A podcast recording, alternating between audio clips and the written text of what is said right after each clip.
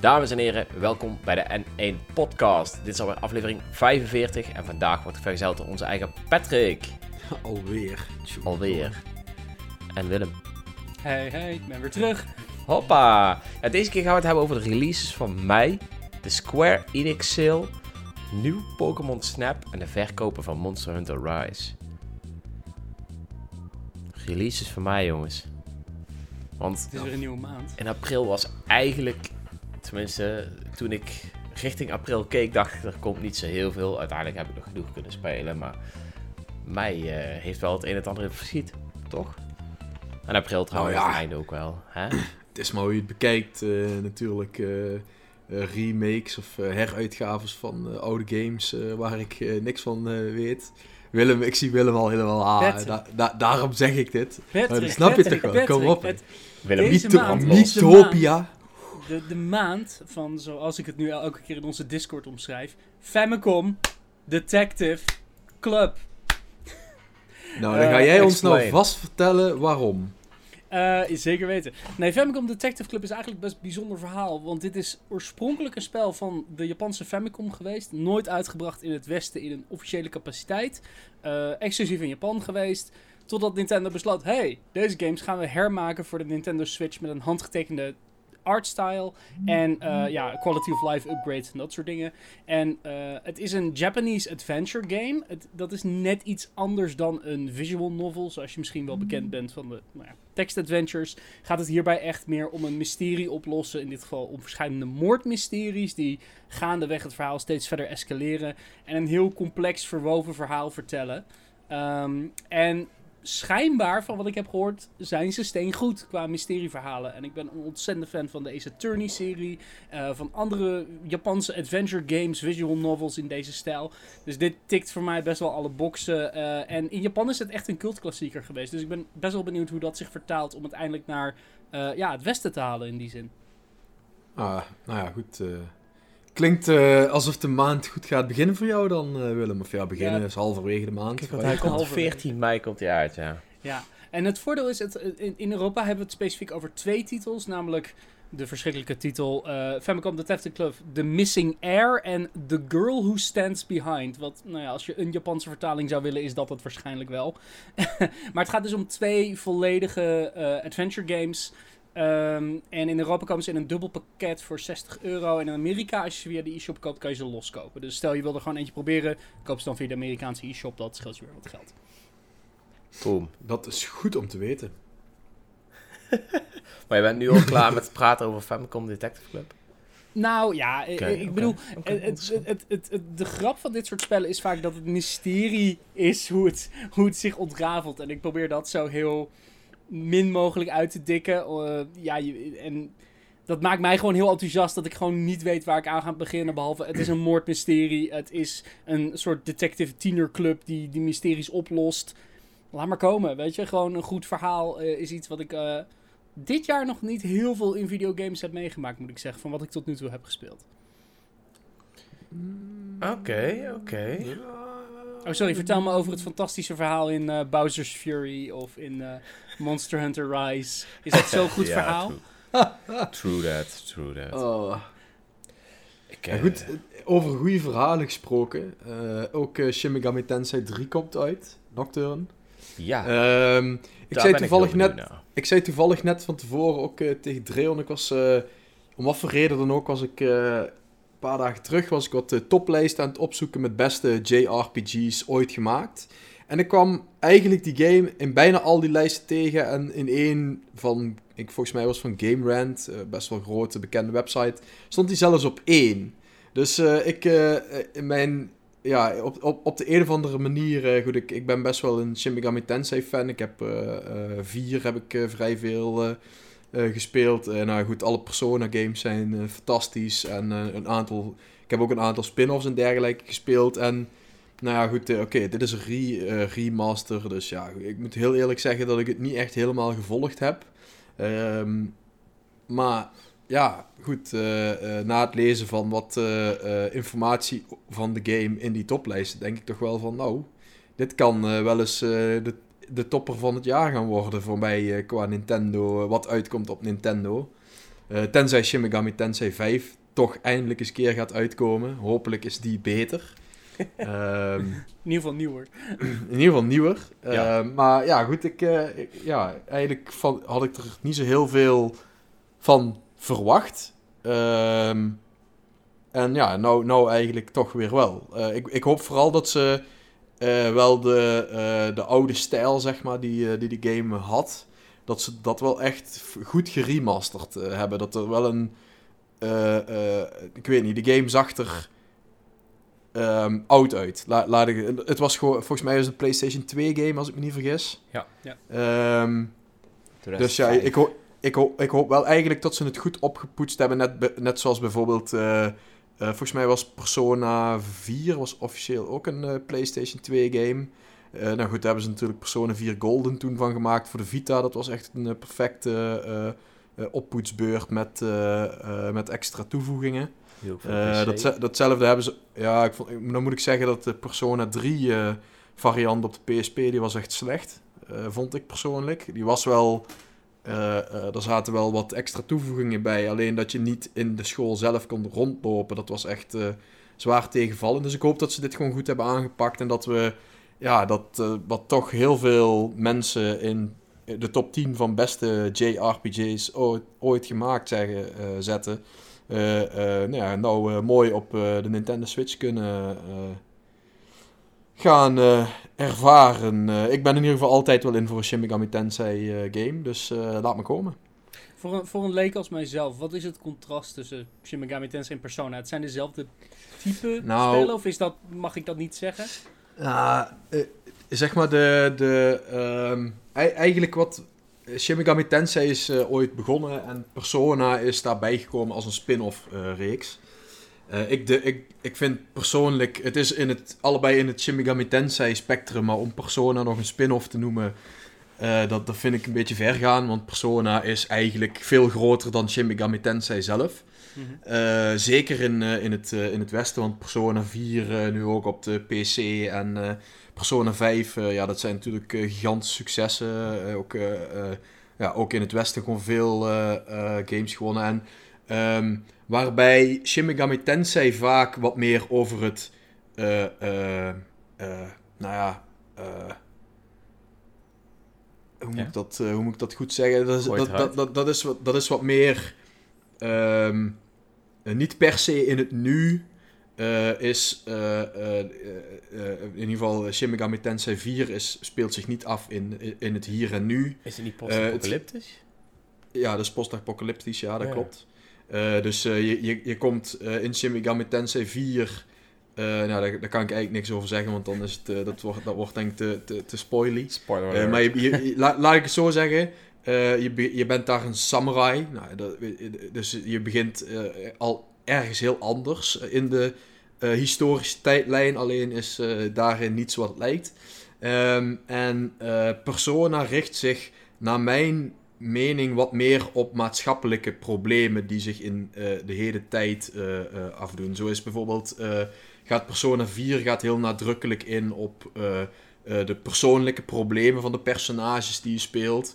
En Persona 5 gaat bijvoorbeeld juist net heel erg in op maatschappelijke problemen die er spelen. Daarom denk ik ook dat Persona 5 zo goed gevallen is, omdat daar gewoon heel veel herkenbare dingen in in voorkomen die, nou ja, bijvoorbeeld uh, de eerste tegenstander in Persona 5 is eigenlijk een leraar die zijn faam op een verkeerde manier inzet, om maar heel eventjes zo te zeggen. Weet je, dat, dat zijn gewoon van die verhalen die je wel eens ooit mhm. ergens ook hoort en die, ja, die zoeken ze eigenlijk uit en die moet je dan dus ook uh, uh, een change of heart uh, geven. Dat ze, dat, dat ze zeggen, ja, het spijt me en ik doe het goed. En, een verhaal over fraude zit erin.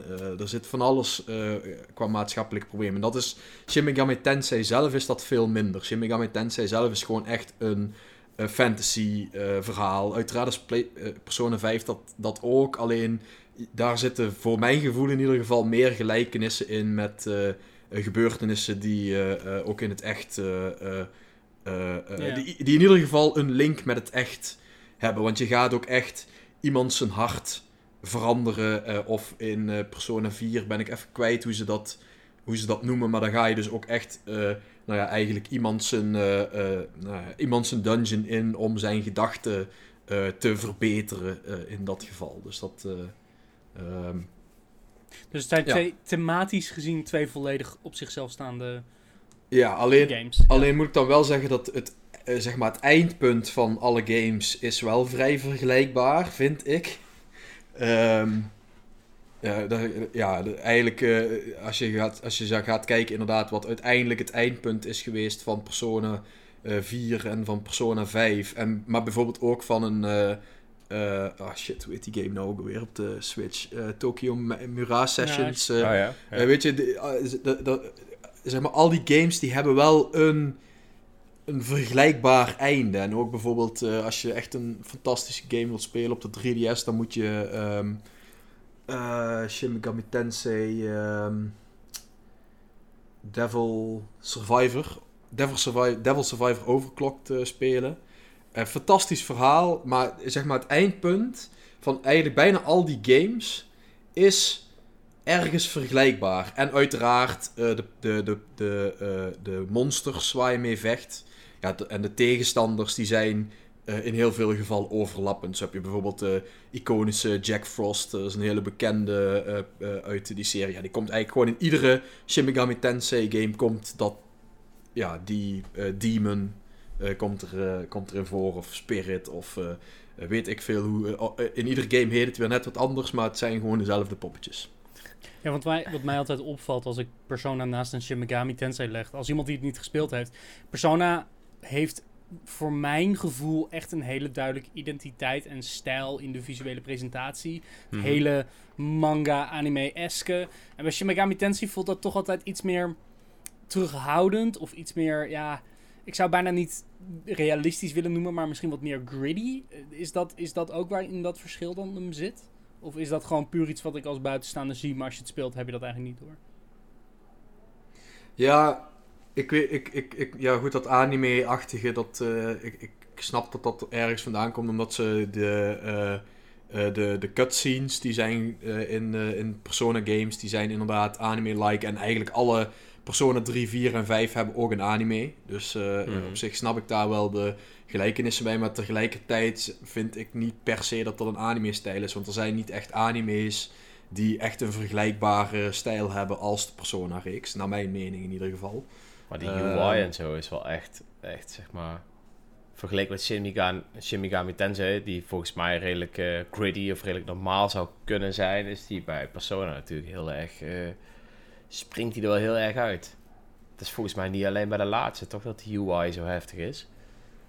Nee, nee ja, dat, dat stijltje, dat, eh, dat hebben ze er inderdaad wel vrij goed, eh, eh, goed inzetten. Maar ik, Ja. ik moet nou ook heel eerlijk zeggen dat ik even niet de UI van eh Shin Megami Tensei 4... eh, Het is volgens mij gewoon halen. redelijk eh, RPG-achtig. Gewoon eh, heel veel tekst Ja, en eh, dat was mijn rijtje. Ja, dat was ook mijn veronderst- veronderstelling. En ik, eh, Persona is echt van bam, dit springt eruit, dat springt eruit. Dat vond ik wel heel vet gedaan hoor, de UI van Persona. ik moet zeggen, dat Ja, is het- mij het- iets meer aantrok naar persoon. Oh, gang. Z- Sowieso inderdaad, de grafische stijl van Persona, die is, eh, Ja. ja. dat is wel een... Maar ook de, de sfeer, de muziek, de... Ja, weet je, dat, dat, dat, dat, dat is wel echt een, ja, een bepaald thema wat ze, eh, wat ze inderdaad goed doortrekken. En dat- ja, nogmaals, Shin Megami Tensei heeft ja, altijd een andere invalshoek. Eh, bijvoorbeeld nou, wat we van Shin Megami Tensei eh 5 gezien hebben, is dat de hoofdpersoon in Tokio rondloopt. En laat ik dat dan, eh, dat mag je weten, in bijna iedere Shin Megami Tensei game is Tokio het middelpunt van de, eh, van de actie. In welke vorm dan ook. Ehm, Oké. eh, maar ja, wat dat, wat dat ik, ik- zeg maar de trailer, de, ik, ik verwacht dat ze met Shin Megami Tensei 4 wel toch wel de goede dingen ook van Persona 5 eh, gaan opzoeken. Want ja, ze willen dat natuurlijk ook een succes maken in het Westen. Eh, en eh, nou ja, goed, eh, Persona 5 heeft goed gewerkt. Dus eh, ze zullen daar vast eh, wat dingen van gaan overnemen, verwacht ik. Ehm, ja, ik ben vooral benieuwd eh, wat inderdaad Nocturne eh, gaat, eh, gaat brengen. Dat moet inderdaad echt een fantastisch verhaal zijn.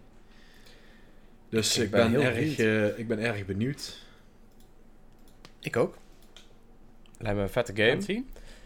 Ehm, Verder, ja, Subnautica en Subnautica Below Zero. Vette games. Ik vind eh Subnautica heb ik helemaal uitgespeeld. Die was echt geweldig.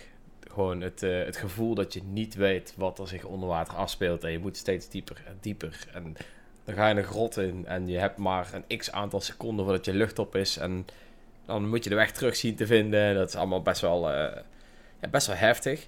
Ik hou al van die game. De muziek is overigens ook echt supergoed. Wat, wat voor soort stijl is het meer roguelike? Als in als je doodgaat begin je helemaal opnieuw? Of moet je gewoon resources Nee. krijgen, sterker worden en dieper Ja. gaan? Het is, het is eigenlijk gewoon een survival game. Maar Ja. die, eh, die heeft zich helemaal volledig gericht op onderwater. En in de meeste games werkt onderwater niet zo heel goed. Maar in Subnautica werkt het wel echt heel goed. Eh, het is een van de weinige zwemgames waarbij de controls gewoon echt ja, picobello zijn. Ja, goed, die hele game draait er ook om, dus dan is het ook wel heel Ja, dat is wel zo handig dat het dan werkt. Ehm Subnautica Below Zero. Ik heb hem wel gedeeltelijk gespeeld, maar de game is nog een alpha. Uiteindelijk heb ik besloten om eventjes, te, eventjes het spel neer te leggen tot hij helemaal klaar is en hem dan uiteindelijk helemaal uit te spelen. Eh, maar wat ik tot nu toe gespeeld heb, is die ook echt heel erg vet. Het is geen direct vervolg op de eerste, maar ik denk dat het leuker is als je de eerste gespeeld hebt om dan aan de tweede te beginnen. Ja, vette games. Het is wel heftig dat ze allebei tegelijkertijd uitkomen op de Nintendo Switch. Zoals ik dat begrepen had de developer het zo niet bedoeld. Maar ja, het is nou eenmaal zo. Ehm, ik ben heel benieuwd hoe die twee games het gaan doen op de Nintendo Switch. Want ik ben natuurlijk gewend om het op de PC te spelen. Ehm, de vraag is, wat is de downgrade en in hoeverre loopt het allemaal een beetje soepel? Kijk, eh, ik heb het gevoel dat Subnautica misschien hier wel een soort tweede publiek ondervindt. Eh, een beetje wat Hollow Knight ook had. Die was binnen PC-kringen al helemaal top. Toen kwam je naar de Switch en dat, voor mijn gevoel, duwde het over, de, over die piek. Ehm, ik heb het gevoel dat Subnautica heb ik ook inderdaad, net zoals jij vertelt, hele enthousiaste verhalen gehoord, maar zelf nooit gespeeld, zeg maar echt maar in mijn ogen had. En nu die naar de Switch komt, denk ik, oh, dit is misschien iets waar ik nu heel erg behoefte aan heb, wat me echt Dus ik heb het gevoel dat het qua timing niet zo erg is. Allebei de games lijkt me een beetje veel, maar in ieder geval de origineel eh, spelen lijkt me hartstikke tof. Ja, eh, zeker doen. Zeker doen. Luister naar Shia LaBeouf. Just do it. nou ja, hele vette game. Ik zou zeggen, ehm, ga hem spelen. eh, zet je koptelefoon op, want het is wel echt de beste manier om deze game te ervaren. En ja, geniet van de muziek, geniet van, van het overleven daar. Het is echt, echt een topgame. Verder zie ik er niet echt meer iets... Te... Ja, de Ja, Old ik- World ik- Collection zie ik nog. Oh, Ik, ik zag ook eh, World's End Club. eh, dat is eh, dat Ja. niks voor jou, Willem, aangezien dat van de makers van Zero Escape is. het is wel inderdaad visual novel maand eh, in die zin, of Japanese adventure. Ja, het is, het is Ehm, een, het is een side-scroller van... Het is ja. iets meer een sidescroller. Van wat ik heb begrepen is het van de makers van de Zero Escape games slash de Nonary games. Eh, Ja, ja. 999 op de DS was hun eh, eerste titel Oh ja. eh, daarvan. Dus de verhalen zijn dan zeker de moeite waard. En vooral omdat ze berucht zijn om hun meerdere eindes. Dus je wil dit soort spellen vaak opnieuw spelen. Ik moet zeggen dat de eerste trailer van World End Club mij nou niet bepaald aangreep. Ehm, dus het kan zijn dat ik hier gewoon nog wat verder in moet duiken. Maar van de twee adventure games die deze maand uitkomen, neig ik toch iets meer naar Famicom Detective Club. Eh, ook omdat de productiekwaliteit daar gewoon net een tikkeltje sterker op lijkt. Aight. Maar ik weet niet, ik, ik raak misschien graag eh, verrast. Nu moet je nog veel tijd hebben om verrast te raken, maar... Dat is het meer. Ja, de Old World Collection komt ook naar de Nintendo Switch. Ik heb zelf eigenlijk nooit echt Old World gespeeld, dus ik durf er vrij weinig over te zeggen, maar... ik ook niet. Ja, ik ook niet. Ik, eh, ik heb volgens mij ooit een keer een eh Oddworld game eh gerecenseerd. Volgens mij die New and Tasty, als ik me niet vergis. Maar ik moet heel erg zeggen dat het eh, eh, weinig indruk heeft gemaakt. Oké, ja, ik, ik weet dat die games best prima zijn, maar ik durf verder niet, eh, niet echt iets over te zeggen. En dat was het, Ja, denk die heb ik. inderdaad. Oddworld New and Tasty heb ik gerecenseerd. Wat heb ik het gegeven? Wat heb je gegeven? Een 7,5. en een half. Oeh. Nou, dat is dan best netjes. Dat was hij best prima. Wel jammer dat hij geen indruk achter heeft gelaten. Nou ja, is blijkbaar eh, 7,5 is eh, niet meer genoeg al eh, tegenwoordig. Dus eh, Dat is zeker waar. En Dreon, je vergeet Miitopia. Oh ja, Miitopia. Hoe kun je Miitopia. vergeten? De 3DS klassiek Ja, game. dat de is 3DS echt... game. Zullen we het ergens anders over hebben? Eh, een, een korte aanvulling die ik wil maken over Miitopia is dat er van de week een gratis demo is uitgekomen. eh, met een Mii-creator die veel uitgebreider is dan de Mii-creator op de Switch. En mensen online zijn losgegaan. Eh, er is onder andere iemand die heeft een Fortnite V-Bucks kaart nagemaakt in de Mii-editor. We, we hebben fictionele personages die volledig zijn nagemaakt met accurate gelaatstrekken en alles. Dus ehm, Google er vooral even op, want wat daaruit komt is briljant. En ik word bijna teleurgesteld dat een betere Mii-editor verkocht wordt in Miitopia in plaats van als een standalone download op de Switch. Eh, want de creativiteit die daarbij komt kijken is wel echt hartstikke leuk. Ehm, ik denk het grootste probleem dat voor mensen wordt is dat ze niet Mii's op hun Switch hebben. Ik weet niet hoe dat Ja. bij jullie zit, maar ik heb er twee, drie misschien. Ik eh, weet niet eens eh, of dat ik een Mii heb op mijn Switch. Ik denk misschien eentje, maar Ik denk bij je hoofd, bij je hoofdaccount zit er toch eentje, of niet? Ja, ik denk Ja. inderdaad bij mijn hoofdaccount heb ik er één aangemaakt. En toen kwam ik er heel snel achter dat ik een ander, eh ander logo of avatar kon kiezen. En toen dacht ik, uit! Ja. En sindsdien nooit meer naar mijn Mii gekeken. Nee, precies. En die game draait wel echt om de Mii-personages die je op je account hebt. Dus ik ben heel benieuwd hoe dat eh, uit gaat pakken. Maar je kan in deze je Mii's uitwisselen met andere gebruikers door die editor. Dus eh, misschien kun je daar nog op een leuke reddingsmissie gaan om je Fortnite V-Bucks kaart te redden van duistere tovenaars. Oké, ja, klinkt als eh, een van de beste ervaringen ooit voor 60 euro. Ik eh, ben heel benieuwd hoe Serieus, dat gaat 60 vallen. euro? 60 euro. Volgens mij is ja. die He- 60 hebben, euro. hebben we daar niet ook al een keer royaal over eh, lopen discussiëren? Oh, of ja, niet wel. Wat een onzin. Vast en zeker wel. Hoe, onzin. hoe durven ze dat te doen? Dat, sla- dat slaat echt helemaal nergens op. Om die game voor, nee, 50 euro staat hier in het artikel. Oh ja, oh ja, maar is wel 10 10 euro euro, is is wel, wel eh, 10 Ja. euro minder. 10 euro verschil. Voor 50 euro is de ervaring voor de Nintendo Switch. Ik ga al Ja. mijn pre-orders cancelen en Miitopia spelen. Van alle Nintendo first-party 3DS games die je kan overbrengen naar de Switch, kies je voor Miitopia. Maar zoveel is er niet meer over. Nou ja, te ik brengen. zou heel graag een collectie willen van de Mario en Luigi spellen. Of eh, Luigi's Mansion 2 is alleen Nee, maar op 3DS te Nee, spelen. nee, Miitopia is de shit. Ja? Dreon heeft zich hierbij aangemeld als de recensent voor Miitopia. Gefeliciteerd Yes. Dreon! Yay! Yay, zin in. Fijn. Fijn. Dat, eh, dat is in ieder geval geregeld, alvast. Ehm, nee, ja, ik, ja, maar voor de rest hebben ze de meeste Wii U-titels toch wel overgebracht ondertussen. De Wii U-titels wel, maar 3DS eh, vooral zou ik echt wel wat upgrades van willen op Switch. Eh, dat is wel een interessante, eh, interessante eh, Statement. invalshoek, inderdaad. Vooral eh, de latere titels die net op dat randje met Switch uitkwamen. Ever Oasis was heel erg tof. Eh, van wat ik toen heb gespeeld, die hebben bijna Oh. geen aandacht gekregen. Die heb ik niet eens gespeeld. Terwijl die wel echt heel vet je. leek. Ja. Luigi's Mansion 2, inderdaad. Luigi's ja. Mansion 2. eh, als ik naar mijn 3DS-collectie kijk. eh, eh, Link Between Worlds zou fantastisch zijn op de Switch. Heeft nooit een touchscreen echt nodig gehad. Ehm, Metroid eh, Samus Returns was ook heel goed. Zat net op dat randje. Weet je, de, de 3DS heeft best wel wat toffe, toffe Ja, klopt. titels. En Klopt. ik denk niet dat ik de 3DS nu zou afschrijven als console. Maar, you know, de Switch is best een mooi apparaatje. En om alles zo makkelijk mee te nemen in HD...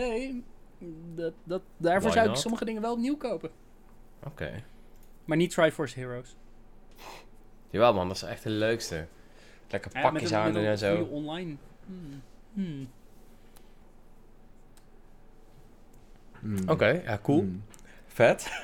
Ik zit inderdaad eventjes door de lijst te kijken met, eh, met 3DS games. Ja, dan, en dan alleen inderdaad die uit zijn gegeven. Eh, of die eh, ja, gewoon uit zijn gekomen. Dan hebben wij inderdaad eh Ocarina of Time, Fire Emblem Fates. Awakening zou ook heel cool zijn op de Switch trouwens. Link Between Worlds is inderdaad wel, eh, wel cool, ja. Ja. Luigi's Mansion 2. ja. Mario 3D Land. Super Mario 3D Land. Ja, we hebben Het natuurlijk enige net nadeel is 3D daarbij World. werkt de 3D wel echt heel erg goed. Dus dat zou je wel weer een beetje verliezen op de Switch. Klopt, ja. Die moest het wel echt wel hebben van die 3D-feature. De Professor Layton games. Oh, ja. Collectie, twee keer hoppakee. Zero Escape, Virtue's Last Reward hebben we 9. Ja, Professor Layton versus Ace Attorney zou ik ook dolgraag willen. Alleen al omdat die game nu voor 70 euro gaat. We hebben ook nog geen Mario en Luigi game gehad, hè? Niet op Nee, Switch, nee, nee. nee, nee, Er die zijn de failliet. 3DS zat er vol mee. Die zijn echt failliet, hè? Alpha Ja, Dreams. Alpha Dream. Ja, maar ja, Dream dan is kunnen ze toch gewoon iemand anders eh, die games laten maken. Ja. Ja, who knows? Die De IP is Dragon gewoon Quest van de 8 Nintendo. eh, remake op 3DS, die mag ook al naar Switch komen. Jop. Die is ook best wel goed, heb ik gehoord. Dus Ja, er is die, heb nog ik, ook- die heb ik volgens mij ook gerecenseerd. Ja.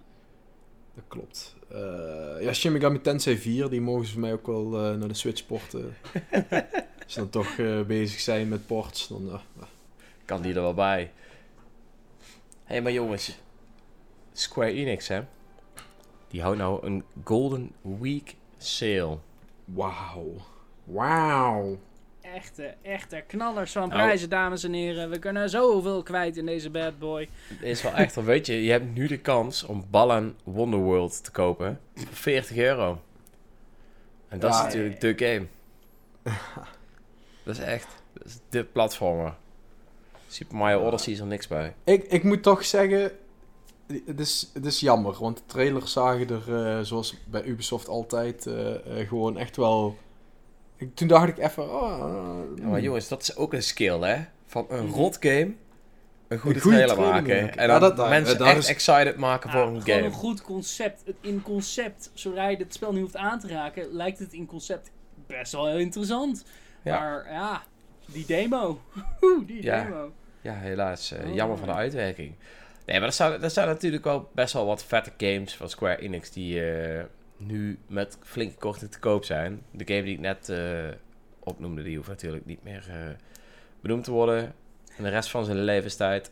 Maar ik zie hier verschillende Final Fantasies. Final Final Fantasies, I Am Setsuna, Kingdom Hearts, Melody of Memory, Yes. Eh. Romancing Saga, Spelunker Party, Star Ocean, Trials, Trials of of Mana, die was best prima. Die heb ik gereviewd. Eh Ja, ik- ja, goed. Fantasy Maxima. I- I- als je, ja, I Am Setsuna kan ik iedereen eh, aanraden in ieder geval. Is Die heb echt, nooit echt, gespeeld. vind ik echt een goed verhaal. Is gewoon een goed verhaal. Is ook geen moeilijke game als je hem door hebt. Zelfs op hard niet. Oké. Is zelfs heel, heel makkelijk op een gegeven moment, vond ik. Eh, maar eh, eh, ja, ik vond het een hele vermakelijke game. Los 4 heb ik eigenlijk, is eigenlijk een beetje een soort vervolg daarop. Alleen dan zonder vervolg te zijn. Alleen dezelfde engine, dezelfde schrijfstijl, dezelfde tekenstijl. Alleen dan wel een totale andere nieuwe game. Hm. Ik zit even te denken, volgens mij was dat van die... ehm, de RPG company van Square Enix, toch? Weet je, die, die, die allemaal van dat soort... eh Setsuna. I don't know, man. RP, RPG Factory of zo. RPG, Tokyo RPG Factory. Oh, zo? even- Ja. Ik zit even te denken wat die nog meer in recente Lost tijd... Sphere hebben die ook gemaakt. Of bedoel je die niet? Eh, ja, nee, dat zijn ook de enige twee. En Oni, Oninaki. Oh ja, Oninaki. Die staat, ook, die staat ook op de... Die staat ook op de... eh, bij de... Bij de sale. bij de sale. Helaasje. 25 euro. Maar persoonlijk, ik heb eh, vorige, eh, vorige, nee, twee maanden geleden heb ik Final Fantasy 7, eh, de originele, voor het eerst doorgespeeld op de Switch. En dat beviel wel heel erg goed. Eh, ik had de remake eerder vorig jaar gespeeld. Voor het eerst ook. En beviel je de ook goed, ik. combinatie van eerst de remake en daarna het origineel was best wel tof. Ja, zeker. Want misschien dat ik ja. die ook nog ga spelen. Ik was aanvankelijk een beetje terughoudend, omdat ik dacht van ja, ik wil eigenlijk die remake gewoon zo vers mogelijk ingaan. Ja. Maar er begon toch wel iets te kriebelen. Dat ik dacht van, oh, ik wil toch wel even wat meer weten over die echte wereld en hoe remake het nou is. En ik vind de remake veel toffer dan het origineel, maar het zou er niet zijn zonder het origineel. Dus het is een soort rare, rare combi tussen beide. Mhm. Ehm, en ja, voor 8 euro. Ik denk dat je daar een prima Japanse RPG uit hebt als je hem nog nooit gespeeld hebt. Eh heeft een paar chille quality of life dingen, zoals eh, sneller bewegen en eh, vijanden makkelijker uitschakelen. Waar- ik wel een beetje misbruik van heb gemaakt, want ik had geen zin om te Hey. grinden. Snap ik. Oké. Ik wel, eh, ik, ik, volgens mij zijn eh Final Fantasy 10 en 10 2 ook uitgekomen, toch? Op de Switch, dat Ja, er ja. niet bij staat. Ik heb, jawel, want ik heb, dat is X. Ik zie je X. Eh, nee, X staat er niet tussen, Nee, maar ik, X2 eh, wel. Volgens mij... nee, nee, oh, oh, Zodiac Oh. Age, dat is 12. Oh, hè. nee, nee. Ja, Eh, ja, 10 en X2 10 2 is een collectie. Die heb ik eh, gereviewd toen de tijd. Ja, maar die, Dus die is wel uit op de Switch, toch? Zeker, die heb ik toen gereviewd. Ja, die, dat die er dan Ja. niet bij staat, dat, dat, ja, dat snap ik dan ook weer niet. Nou goed, Dragon Quest hadden we het vanmiddag al heel even over. Die is blijkbaar uitgegeven. Dragon Quest 11 is uitgegeven door Nintendo. ja. Waardoor die waarschijnlijk niet eh, op de lijst staat. Vind ik ook raar. Maar ja. Ja, en ook dat er ook geen andere Dragon Quest op de lijst staan. Ik had heel erg toch een beetje gehoopt dat Dragon Quest Builders misschien in de aanbieding zou zijn. Die is ook eh, schijnbaar best oké. Ja. Ehm, Eh, Die is Kitty, leuk. eh, Kitty, groot fan van, volgens mij. ja, Ja, ik, en- vond, eh, ik vond hem ook leuk. Twee vooral. En op de 3DS heb je ook nog volgens mij eh Theater Rhythm is ook in de aanbieding op het moment. De Final Fantasy muziek ritme game. Ehm, als je Kingdom Hearts Mem- Melody of Memory leuk vond en je hebt je 3DS nog liggen en je wil Final Fantasy muziek spelen, maak het gat steeds kleiner, dan is dat misschien een game die je leuk vindt voor 20 euro. Oké, laat maar. Laat maar. 3DS-titel. Jongens, het is 2021. De hel. Ja, moet toch eerst geld aan verdienen. En vanaf nu wordt het alleen maar duurder, hè? Zo moet je het maar zien. Ja, retro. Het wordt eigenlijk allemaal prijzen- retro. Prijzen scoren. Ja, verder zie ik nog de Collection of Mana en de Collection of Saga. Dat is misschien ook wel interessant. Ik heb namelijk, eh, zover ik weet, nooit die echte oude games gespeeld. Ik was aangenaam verrast in de Collection of Mana van de Game Boy game die het begon.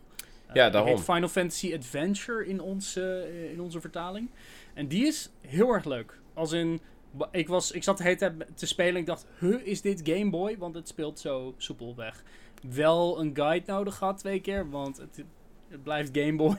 Maar ehm, die game is best tof. Eh, en in die Collection of Mana krijg je ook dus de originele Trials of Mana van de SNES uit Japan.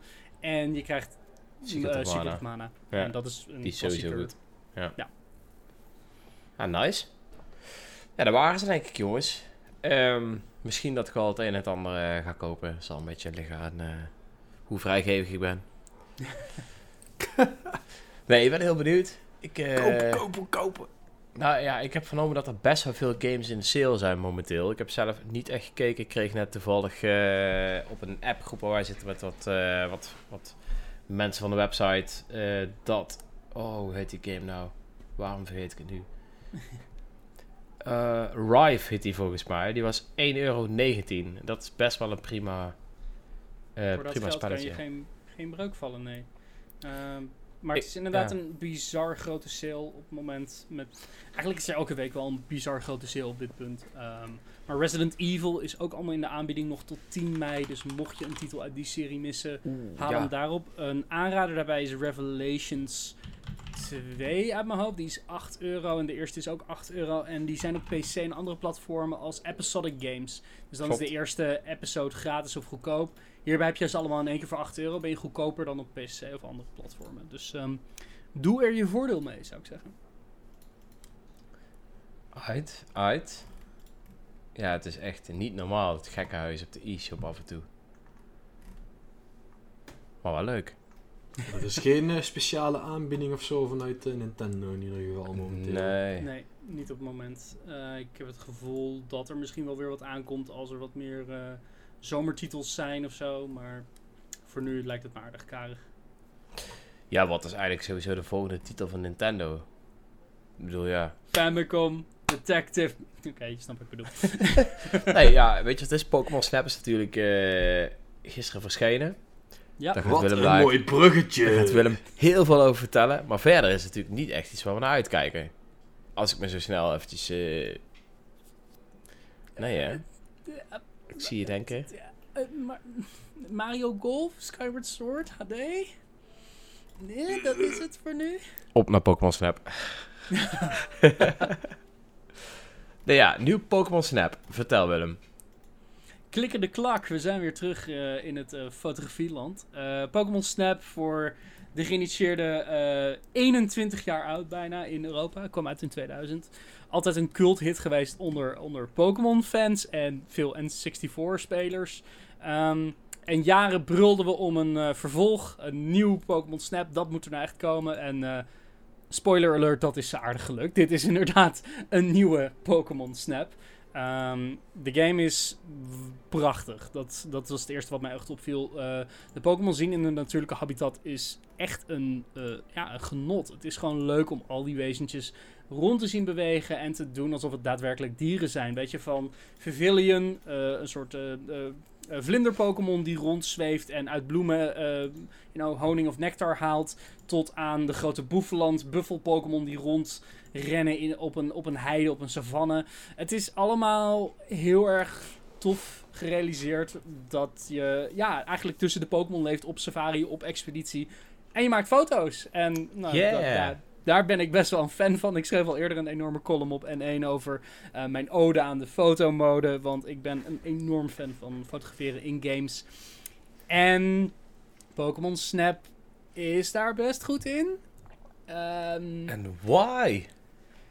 maar, maar mijn Oh. innerlijke fotografiehart heeft hier en daar wel wat haken en ogen op de manier waarop ze het implementeren. Want als je hierin gaat met de verwachting, het is een fotografiegame.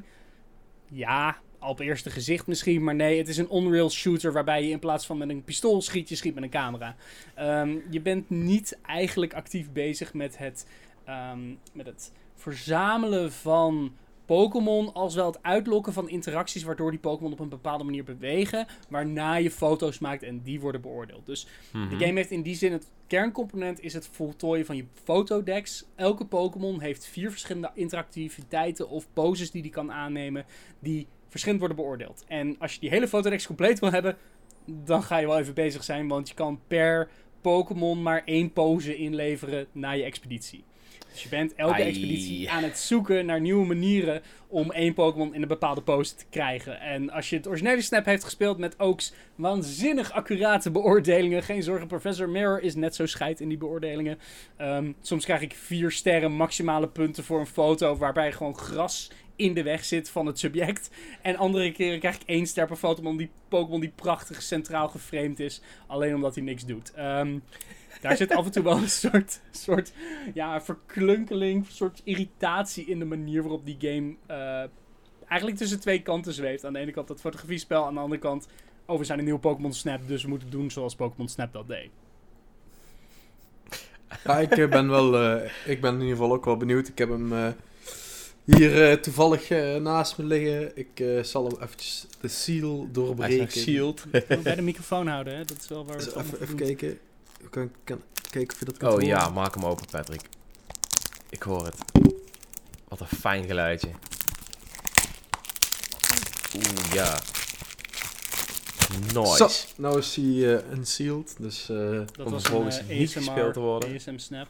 Hoe is de binnenkant van het doosje? Ik heb de binnenkant van het doosje. zal ik hem eens even likken, kijken of hij nog steeds zo... eh, Probeer Oké, maar. dan- kijken of Even die, voor eh, jullie beeldvorming. Patrick heeft de webcam aanstaan. Patrick, normaal moet je likken nadat het plastic erom zit. Niet als je het er al af hebt gehaald. Dat werkt niet. Maar goed. Het is... eh, het is Ja, so- so- eh, sorry Willem, eh, dat is meer jouw eh forte, hoor ik al. Vast. Nice. Oh, snap. Maar hetgeen waar ik me eigenlijk vooral heb afgevraagd, Willem. Is het nou zo, net als bij de oudere Pokémon Snap games, dat iedere ronde hetzelfde is? Iedere Pokémon doet altijd hetzelfde. eh, ja, je probeert net zo lang die appel te gooien tot hij eigenlijk doet wat hij moet doen. Of is er nou iets meer... Ja, is het nou iets, iets variabeler? Eh, kan het zomaar opeens gaan regenen? Kan er iets anders gebeuren? I don't know. Ehm, ja en nee. Aan de ene kant ja, want je hebt de mogelijkheid om alternatieve routes te nemen in de eh, vaste eilanden die je bezoekt. Mhm. Dus op bepaalde momenten heb je een keuze die je heel snel moet maken van ga ik naar links of ga ik naar rechts. En dan andere paden zorgen voor andere Pokémon. Ehm, in mijn ervaring lijkt het ook op dat aan het begin van elke expeditie die je onderneemt, je een kans hebt op. Ik zal het scenario's noemen. Zeg maar verschillende Pokémon die kunnen verschijnen. Of Pokémon die op een bepaalde manier starten. Bijvoorbeeld op het eerste eiland begon ik dat level drie keer. En de derde keer waren er geen Bidoofs aan het begin. Maar liep daar een Pichu en een Scorbunny. Ehm, en op die manier proberen ze dat wel een beetje op te frissen. En er zijn ook veel meer Pokémon te vinden dan in het origineel. Het origineel had iets van 60. Hier zijn het er beduidend meer dan 150. Dus dat is echt een goede, goede eh, totaliteit eh, aan Pokémon. Ja, dat is wel cool. Maar ja, Maar- in principe ben je elke keer dezelfde tracks aan het afgaan om maar op het juiste moment een appel of een ander object te gooien om een Pokémon te laten reageren. En dat is wel inderdaad herhalend. Ik moet zeggen dat ik er zelf wel wat plezier uit haal, omdat het tempo van het spel redelijk hoog is. Als in, ik speel even een paar, paar rondes, ik ga een paar keer een track af, maak lekker foto's, voor compleet één Pokémon in die fotodecks en kan dan door uh, met wat anders. Dus ik, ik pick up en play heel veel met deze en dat werkt wel heel erg lekker. Ehm, dus de herhaling voel je en is aanwezig, maar het spel probeert er continu wel wat frisse twists in te gooien dat je ja, op onderzoek blijft uitgaan. Eh, heb je het eh, origineel eh, gespeeld? Ja, eh, wel, wel een beetje hier en daar. Dus niet, niet recentelijk, zal ik maar zeggen. Ehm, maar het origineel voelde, voelde naar mijn mening wel iets statischer dan hoe ze het hier doen. En dat komt ook omdat de Pokémon veel levendiger zijn. Nou ja, goed, sowieso. eh, eh, de Pokémon Snap was volledig statisch. Want Pokémon verschenen altijd op dezelfde manier, op hetzelfde Ja. moment, Ja. eh et cetera. En gedraagden zich ook altijd op dezelfde manier. Vandaar ook dat die game te speedrunnen is. Ah, fantastisch om eens een keer te kijken. Moet je voor de grap Vooral omhoog gewoon eens kijken. Vooral omhoog blijven kijken, zodat de framerate eh, niet eh, te hard eh, dropt. Maar ehm, als je inderdaad kijkt, zijn er bijvoorbeeld, je, je, je hebt al de appel, appel genoemd, maar zijn er ook meer voorwerpen die je kunt gooien, meer dingen die je kunt doen om inderdaad iets qua grappige poses te krijgen? Ja, ehm, waarin Pokémon Snap had je vroeger de pesterbal. Nou heeft Pokémon een heel imago-verandering ondergaan dat we Pokémon echt geen pijn meer mogen doen. Dus in deze game heb je de zogeheten Illumina Orb. Dat is een lichtgevende Oh ja, ja. bal die je kan gooien om Pokémon twee dingen te laten doen. Eén, je kan ze verlichten. Twee, sommige reageren er specifiek op. En drie, er zijn eh, kristalbloemen die je kan raken met die orb. En op dat moment ligt een deel van het, van het level op waarop Pokémon weer reageren. Dus er zijn meerdere manieren om die Illumina Orbs in te zetten. En dat leidt ook naar eh, de Illumina Pokémon. We zagen in de eerste trailer al die enorme Meganium. Staat ook op de cover. Ehm, dat zijn een soort boss battles in principe. Waarbij je probeert om die Pokémon uit te lokken om dat Illumina, dat lichteffect zelf af te geven. En dat is soms een beetje een soort clusterfuck van je camera heen snel heen en weer laten gooien. Soms moet je appels gooien, soms moet je die orbs gooien om maar dat, nou ja, het perfecte plaatje te schieten. Ehm, en dat is grappig voor de afleiding, maar ook daar begint de herhaling wel heel snel in te, in te zakken. Ehm, dus er, er zijn heel veel manieren bedacht waarop die Pokémon bewegen. En in tegenstelling tot dat je dat zelf uitlokt met appels, met muziek, met, met die orbs, is de interactie van andere Pokémon hierbij heel erg centraal. Juist als je twee Pokémon bij elkaar in de buurt weet te brengen door die appels, door die orbs, dan zie je de echt leuke interacties. Bijvoorbeeld er is een moment waarbij ik eh, erachter kwam dat je in een woestijnlevel rondlo- eh, rondrijdt. En er is een enorme tornado bezig. En als je dan drie Illumina Orbs goed gooit, dan verdwijnt die tornado. En zie je dat in die tornado een Flygon zit. Nou, hartstikke cool. Maar tegelijkertijd, in die tornado is een Scorupie meegenomen die rond wordt gezogen. En als een malle in het rond waait. En die komt dan pas weer op de grond terecht. En dan kan je goed een foto van hem maken. Dus op die manier. Die interacties zijn een soort puzzeltjes die je tijdens je rit aan het oplossen bent. En dat is ook waar die herhaling hem best wel goed uitkomt. Want je gaat continu experimenteren van... hey, ik heb hier iets gezien. Of de scanner zegt dat hier iets kan gebeuren. Wat kan ik hier dan realiseren? Oké, oké. Klinkt wel tof. Ah, ik zal hem eh, misschien dadelijk nog en anders morgen eens een keer opstarten. Ik ben inderdaad wel eh, benieuwd eh, of het eh, mij nog weet te interesseren na 21 jaar. Ik, ik, ik was echt verrast over hoe erg snel het mij meegezoogd erin. Weet je, ik heb Snap recentelijk pas voor het of in de laatste tien jaar voor het eerst gespeeld. Dus ik heb niet die enorme jeugdnostalgie ervoor. Eh, maar gewoon dat zien van dat levendige van die Pokémon is iets wat er in de echte games zo vaak is on- ontbreekt. Is Ja, gewoon ik- statisch, is gewoon... O- o- Nee, o- ja. Op zich natuurlijk de, de foto's die je ook al eh, geplaatst hebt en die ook op onze Instagram eh, eh, staan. eh, ja, weet je, dat, dat, dat ziet er wel nice uit in ieder geval. En dat zijn dus blijkbaar foto's die je in de game kunt maken. En dat, Ja. ja. dat, dat, Ja. zi- dat ziet er goed uit. Dus eh, dat Ja. hebben ze goed gedaan. En nu ga ik even los op mijn tirade op de fotomode. Want zoals ik al net zei, ik ben een enorme fan van fotomodus in games. En hoewel Pokémon Snap dat heel erg leuk probeert te doen, zijn de opties teleurstellend, op zijn minst gezegd. Je kan op elk moment een zogeheten resnap doen van foto's die je hebt geschoten tijdens je expeditie. Waarin je de camera niet vrij kan bewegen, maar op een x- en y-axis opnieuw kan verplaatsen en positioneren met inzoomen en rotatie. Maar functies als contrast, belichting, Ehm, dat soort essentiële effecten, kleurbalans, die kan je alleen toepassen met behulp van een filter in een aparte nabewerkingsoptie in je lab. En je kan op die momenten maar één filter kiezen. Je kan niet contrast en kleurbalans aanpassen. Je kan kiezen of contrast of kleurbalans. Je kan stickers shit. toevoegen om ze leuker te maken. Je hebt een maximum van 10 stickers. Je kan frames gebruiken om je shot iets andere vorm te geven. Bijvoorbeeld twee boven- en onderbalken. Of bijvoorbeeld een, een, een zwarte uitsnede of een comic book panel.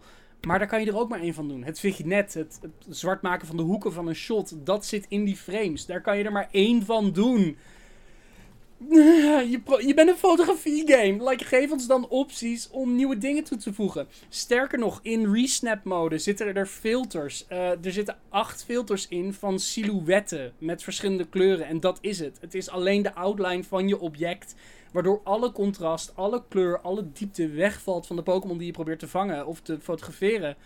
En er zit geen detail in. Dus waarom zit er een filteroptie in Resnap als het niks toevoegt? Ik heb één leuke foto met die silhouetten kunnen maken en dat, dat is het. Ehm, dus of deze game krijgt nog hopelijk gratis DLC of een update waarmee dat wordt uitgebreid. Want de online fotocommunity is echt heel levendig. Als je kijkt op Instagram, maar ook op Twitter. Mensen willen hun foto's delen. Foto's delen. Als je de foto opslaat op je Nintendo Switch vanuit de game zelf, dan staat er onderin de foto een watermarkering met nieuw Pokémon Snap die je niet kan weghalen. Op alle foto's. En het is zo, zo ontzettend lelijk. Waarom kan ik niet gewoon een foto normaal opslaan? Alleen als ik hem groot maak en zelf fotografeer via mijn Switch, dan krijg ik een goede foto. Mm. Het zijn heel veel kleine irritaties waar alleen ik me druk over ga maken.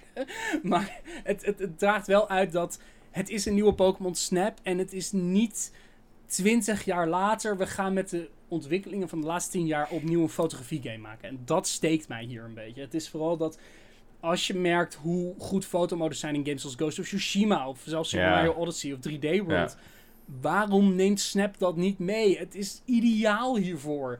Ehm, dus ik hoop dat gaandeweg deze game nog ondersteuning krijgt. Maar je weet het niet bij Pokémon. En al helemaal niet bij Nintendo. Dus Misschien eh, nog wel een nieuwe DLC met een nieuwe map waarin je weer meer Pokémons kunt fotograferen. ik, ho- ik hoef niet per se eens een nieuwe map. Ik wil gewoon betere opties voor mijn fotocamera. Oké, dus DLC Maar met Photoshop map, 0.2 in plaats van 0.1. ja? Praktisch. Ja, nee, ik, ik ben heel blij met mijn foto's die ik tot nu toe heb gemaakt. En ik vind het echt heel erg leuk. Ja. Maar ik ben wel aan het schoppen tegen de beperkingen. En eh, ik ben nu ongeveer bij het laatste eiland, denk ik. Of één na laatste eiland. En ik loop tegen beperkingen aan in een fotomode. Dat ik ook denk van, maar dit is wat je game levendig moet houden. Zet dat in. Nou ja, dat is, dat is dus iets wat ik heel graag wil, eh, wil zien. Ik ben eh, heel Mijn benieuwd. rant is over. Ja. ik ben heel benieuwd eh, wat je daar uiteindelijk van de game gaat vinden.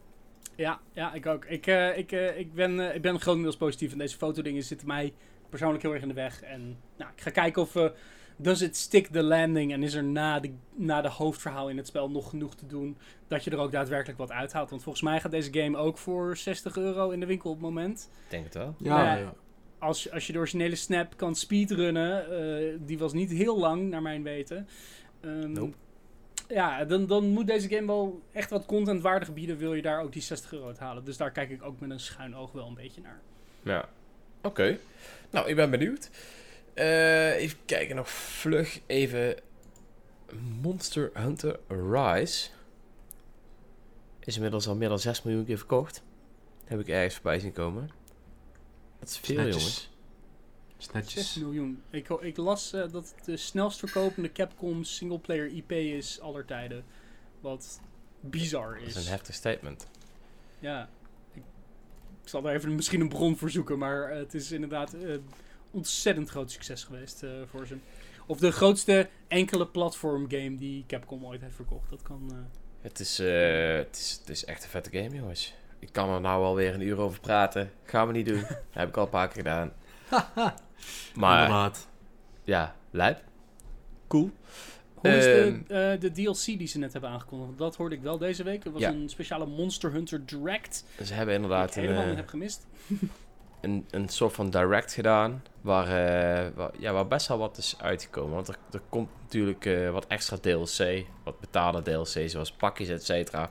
Eh, maar ook wat coole nieuwe monsters. Zoals de Chameleos, Kushala Daora, Teostra en twee Apex monsters. En die Apex monsters zijn wel heel cool. Want dat zijn zeg maar moeilijkere versies van bestaande monsters.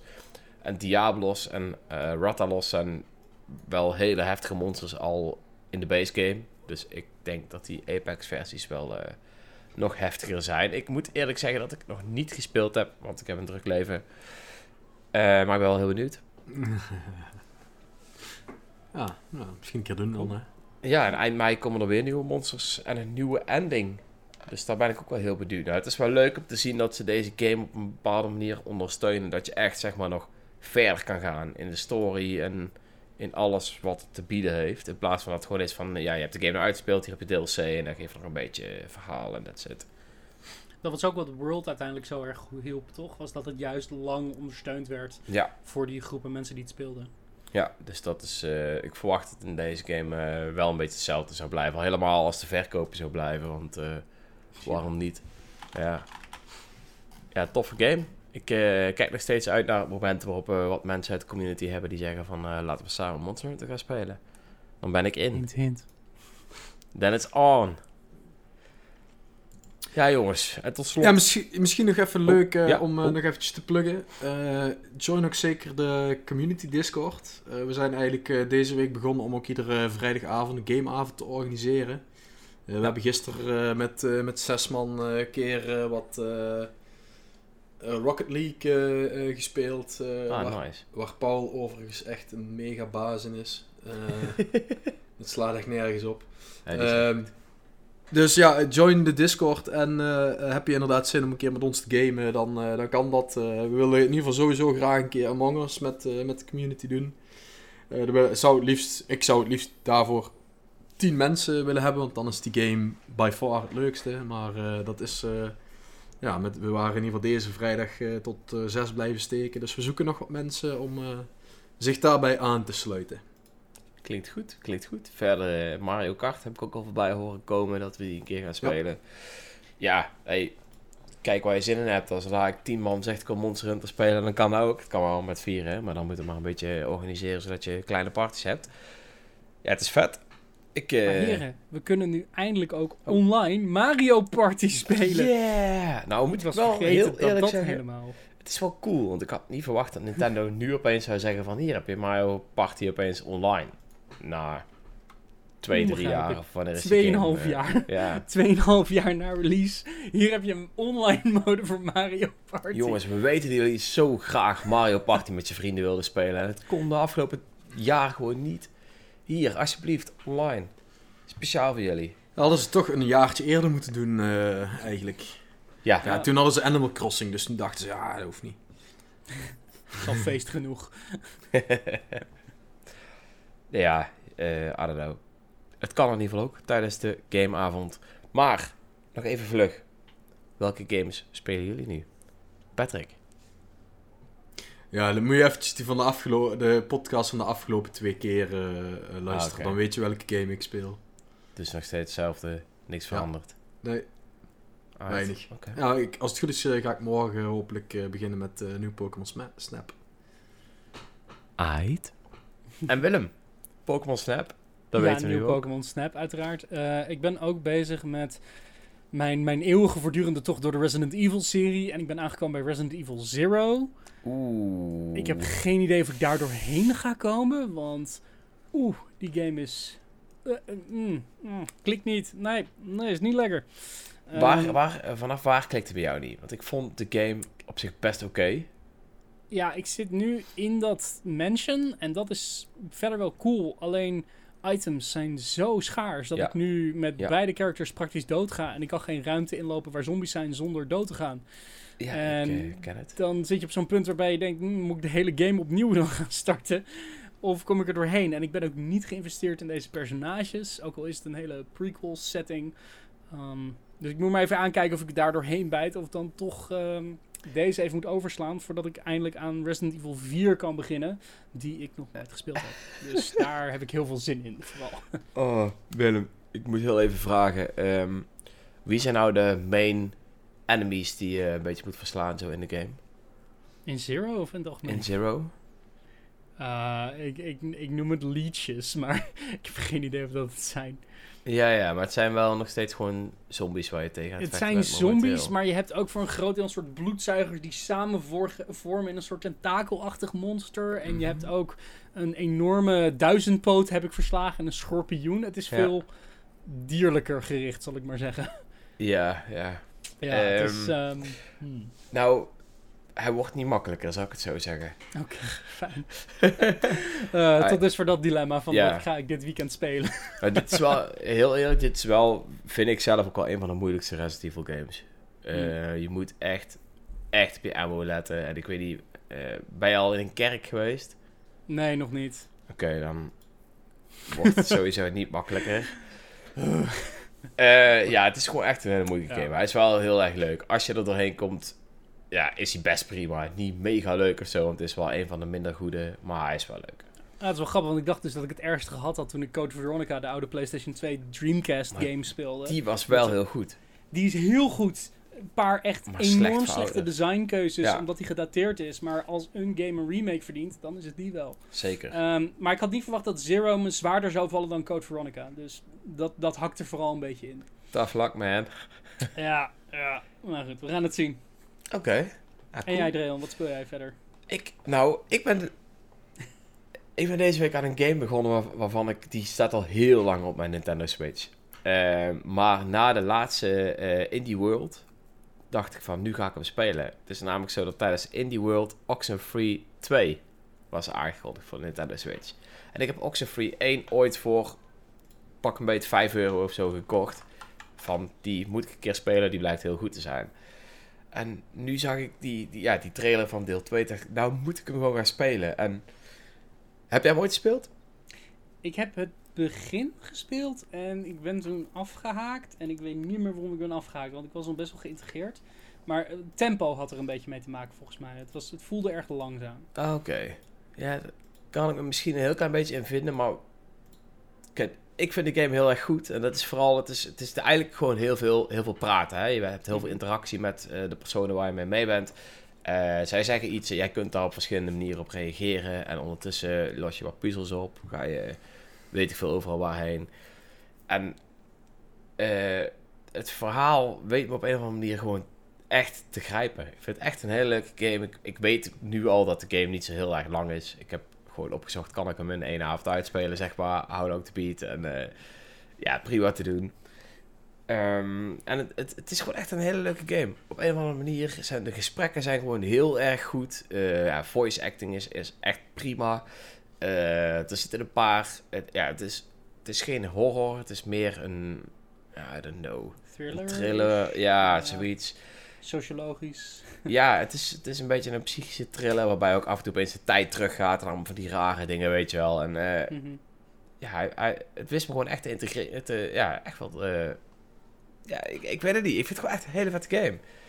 En uh, ik ben bijna, bijna klaar. Ik wilde hem eigenlijk in één avond uitspelen, maar het is me net niet gelukt.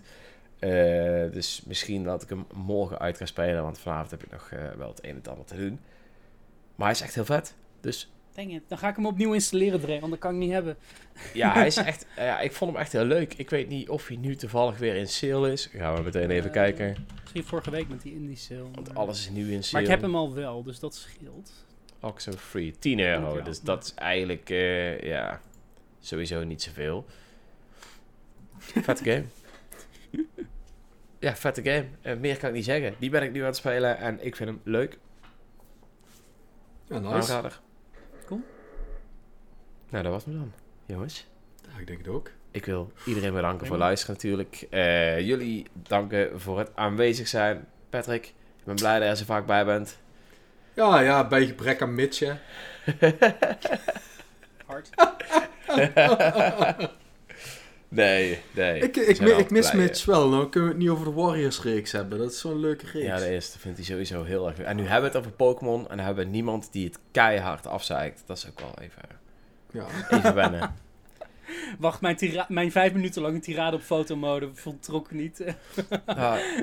nee, we, we, je hebt altijd de overtreffende trap en dat is Mitch. In zijn haat naar Pokémon. Nee, ik grap je. Mitch houdt van Pokémon. Alleen uh, bepaalde designkeuzes kan hij niet zo goed uh, waarderen. Dus Ja, ja, dat, ja ik ook niet. Klinkt als een uitdaging. Patrick ook niet. Nee, ja, zoals eh, bijvoorbeeld eh, de grafische look van eh, de Diamond and Pearl remakes. eh, dat, eh, Ja. Sint je niet zo. nee, ik snap niet waarom ze daar... Even kijken, dat lijkt op eh, eh, Zelda Link's Awakening. eh, Nog niet eens. Nog niet eens. Nou, nee. ze- Nee. dat- dat- die vibe kreeg ik een klein beetje en het past gewoon niet bij Pokémon. Maar goed, het zal wel aan mij liggen. Dat is een hele mooie Maar- discussie voor een Voor de keer. volgende keer. Hey jongens, bedankt. En eh, Yo, tot de later. volgende keer. Later. Ja, joe.